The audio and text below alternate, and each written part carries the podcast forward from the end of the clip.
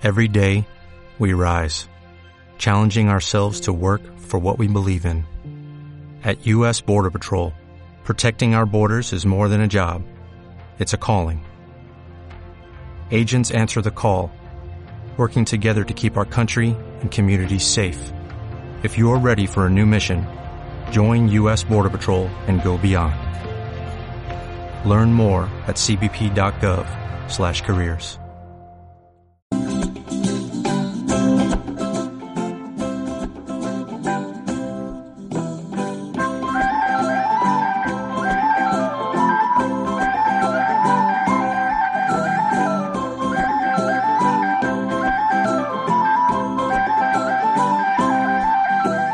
Desde Radio Principal Monforte, Cadena Ser, imos arestora mesmo ate o Concello de Sober. Un prazer saudar un xoves máis o alcalde o popular Luis Fernández Guitián. Moi bo día, alcalde, que tal, como estamos? Hola, bo día.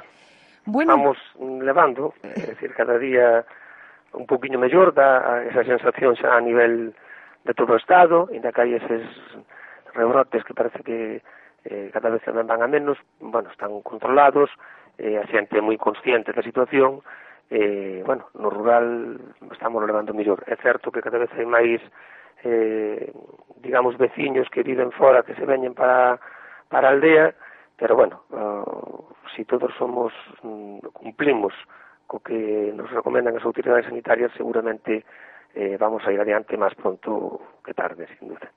Claro, hoxe estamos aí un pouco preocupados por ese rebrote non que nos atinxa a nosa provincia, que do que dábamos conta onte dende, dende a cadena SER dese rebrote que nos situaba en xove. Pero bueno, o, o certo é que seguimos a volta coa normalidade e con boas novas en sober como a constitución dunha nova empresa. Conteme de que se trata? Sí, pois é unha empresa de servicios vitivinícolas, está claro que Sober é un concello onde o viño ten é, moitísima importancia, é a principal industria do noso concello xunto co turismo, esta empresa de servicios vitivinícolas levada a cabo eh, por dous mm, rapaces, un rapaz e unha rapaza que traballaron na, estudiaron na Escola de Hostelería de Rosende o ciclo de vitivinicultura e deron ese paso, a máis nun momento difícil, non? De, de, de ter esa eh, fortaleza de crear unha nova empresa, pois unha nova empresa mm, dicada eh, se, se chama que o, pois, o nome dunha das mm, dos, dos tipos de poda que se fai aquí no Concello de Sober. É unha empresa, como digo, de servicios vitivinícolas que van eh, prestar asesoramento e traballo para todo o relacionado ca, ca viña e ca adega. Uh -huh. E o Concello ven de comunicar tamén a traverso das redes sociais a reapertura do quiosco que hai na praza do Concello. Cando abrirá e quen se fará cargo? Bueno, o quiosco é propiedade da, era propiedade da Rede Galega de Quioscos. A Rede Galega de Quioscos eh, fixo un expediente de regulación temporal e logo unha liquidación e quedouse ca propiedade de varios dos quioscos, entre eles o de Sober, a empresa Kigal. Uh quioscos de Galicia.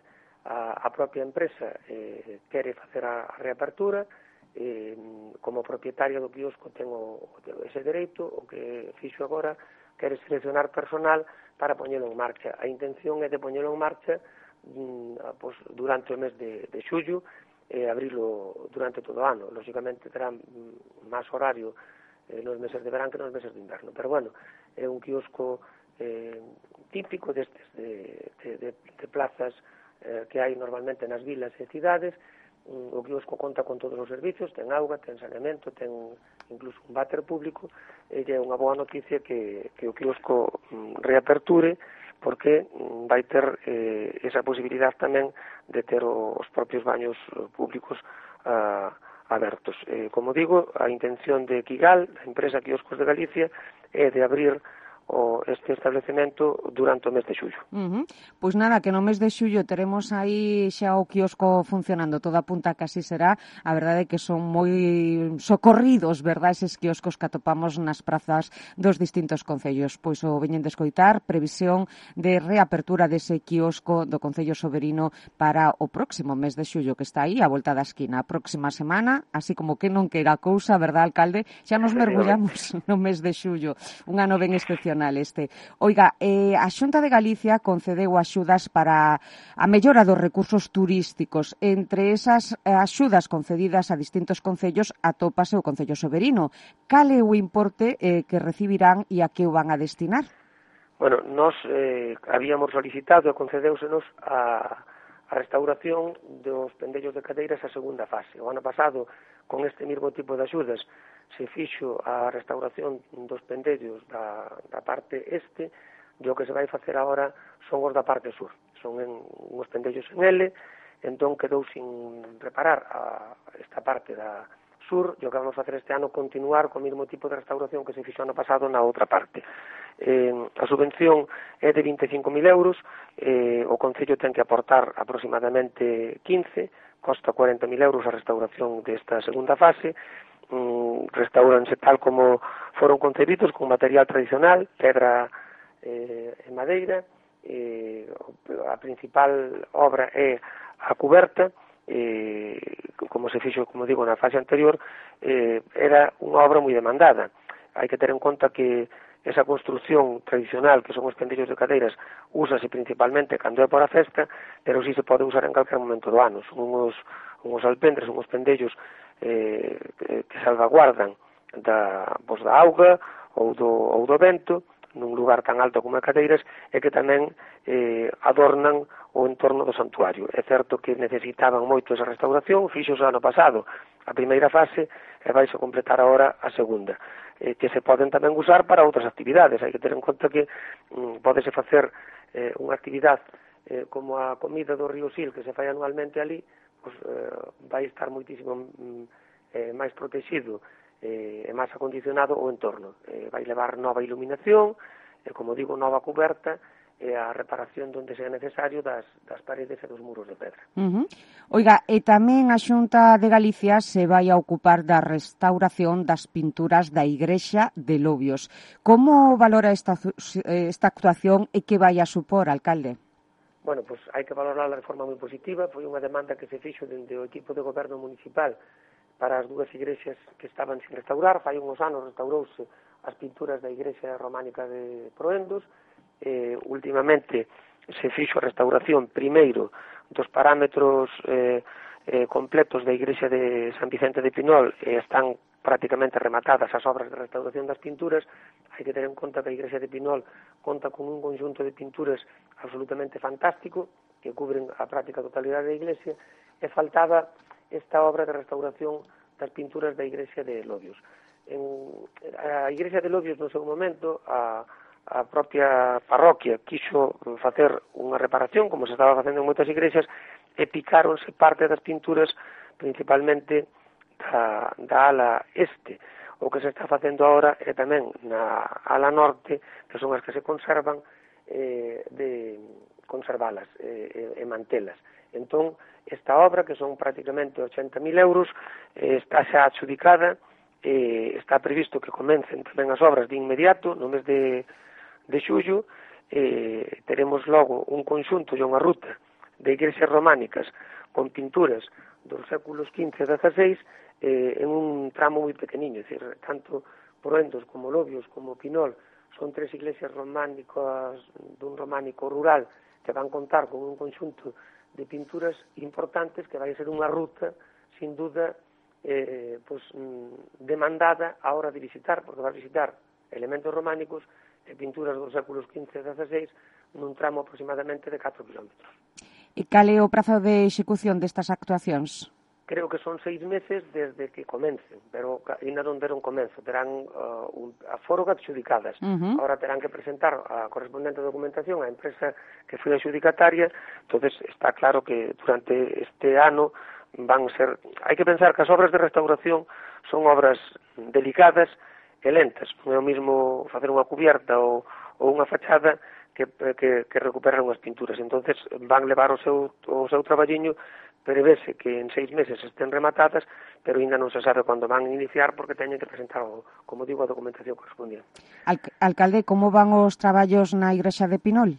prácticamente rematados, es decir, eh, houve unha paralización como tuvo que ser necesario debido a, a declaración do estado de alarma, pero os traballos están prácticamente rematados, decir, faltan pequeniñas cousas, están para, para entregar dun momento a outro, digamos que o mellor nun plazo de 15 días quedan completamente rematadas esas obras.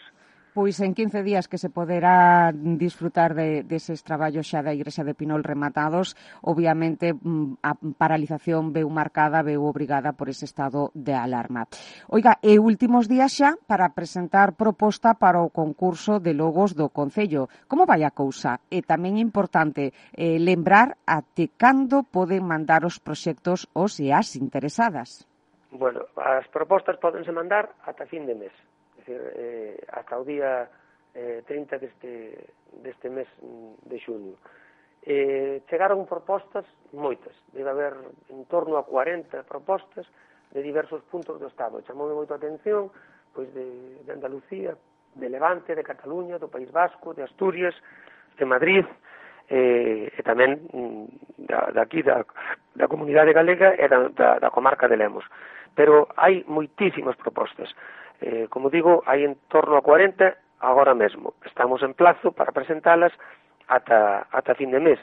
Eh, pois é unha gran noticia que haxa tantísimas propostas, nós intentaremos na, na primeira quincena de xullo eh, fallar ese concurso e que o Concello Conte, además de co seu escudo, que é o logo eh, principal que se usa eh, pois digamos, na documentación oficial, ter ahora este novo logo, un logo que se vai usar principalmente como reclamo turístico. Eh, como digo, mm, moi eh, contentos de que houvese tantísimas propostas, que vai ser difícil ao final escoller unha, pero hai que escollela. claro, a escolla será complicada, pero a verdad que eh, aleda saber eh, esa altísima participación. Eh, eu creo que xe para rematar o que temos que animar os que aínda, mm, bueno, pois estén aí dándolle voltas até finais deste mes, o sea, até o próximo martes, que será 30 de xuño, poden aínda eh, presentar o seu proxecto. Así que, se lle parece, alcalde, anime a todos e todas a participar participar? Por si, sí, eh, animo a todos, principalmente da comarca, da Ribeira Sacra, que son tamén os que máis conocen pois o, o digamos a, as mm, propostas eh, que se poden presentar debido a que conocen máis o Concello da Ribeira Sacra, nos pedimos que ese logo sea representativo de un ou de varios elementos do propio Concello ou da comarca, entón animar a, pois, a xente da comarca que, que estudiou diseño ou que se dedica ao mundo do diseño que presente a súa proposta. Dito queda. Luis Fernández Guitián, alcalde do Concello de Sober. Como sempre, moitísimas grazas por asomar a súa voz os micrófonos de Radio Principal Monforte Cadena Ser. Un placer, moi bo día e feliz fin de semana que temos as portas. Graciñas a vos, bo día, feliz fin de semana. Spin your passion into a business with Shopify and break sales records with the world's best converting checkout. Let's hear that one more time. The world's best converting checkout. Shopify's legendary checkout makes it easier for customers to shop on your website, across social media, and everywhere in between. Now that's music to your ears. Any way you spin it, you can be a smash hit with Shopify. Start your dollar a month trial today at shopify.com slash records.